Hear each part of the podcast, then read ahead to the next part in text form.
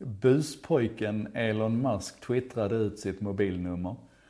Och alla tänkte så här, what? Är han galen? Eh, nu visade det sig att det förmodligen var ett prank, ett litet skämt. För om man försöker ringa det här numret så kommer man till ett voice-meddelande med lite eh, dataspelsmusik och, och så. Så att det, antingen så var det ett misstag som han sen försökte rädda hem eller så var det ett skämt från början. Men det får mig att tänka på det här med privata mobilnummer och, och den privata sfären och hur vi kan utnyttja och använda det där. Jag är ju, som ni vet, jag är ju supertransparent och jätteöppen och alla mobilnummer och mailadresser och sånt ligger ute. Och det funkar för det mesta alldeles utmärkt för mig. Jag är mycket mer besvärad av alla säljare som ringer mig än vad jag är av, av folk som ringer till mig och vill ha hjälp eller råd eller stöd eller som är arga på mig eller vad det nu är. Men jag är kanske privilegierad där, jag vet inte. Men jag tänkte ge ett exempel som, som för många synes helt otänkbart att det ska fungera och som är ett lärande exempel. Jag har en mycket, mycket god vän som är tandläkare.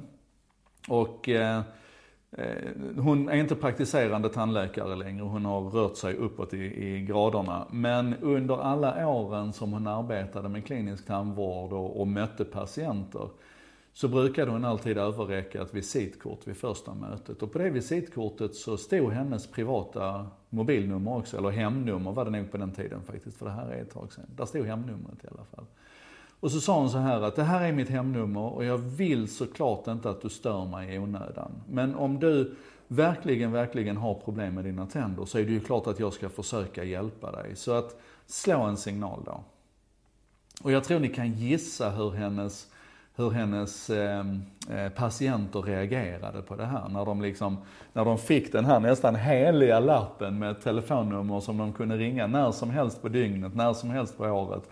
Om de hade riktigt akuta problem med, med sina tänder. Alltså de älskar ju henne naturligtvis, såklart. Och fick en omedelbar och spontan relation till henne. Och hur många gånger tror ni att telefonen ringde? Ja, under en karriär så tror jag hon säger att det hände fyra, fem gånger. Och inte en enda av de gångerna så var det i onödan, utan det var verkligen berättigat med det samtalet. En ganska liten insats, en ganska liten arbetsinsats för en väldigt stor effekt, skulle jag säga.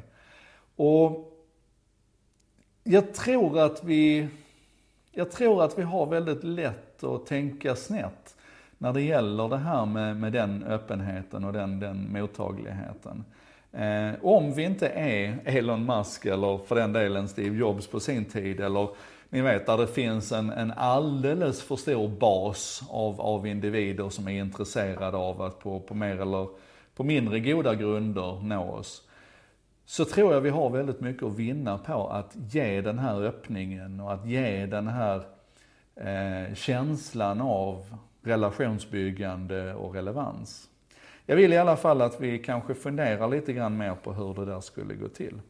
Och på det temat så tror jag också vi kan titta på väldigt många av de webbtjänster och applikationer och eh, produkter som, som det försöker säljas på oss idag. När du går till deras hemsidor och tittar eller du försöker läsa så här under om oss-fliken eller kontaktfliken.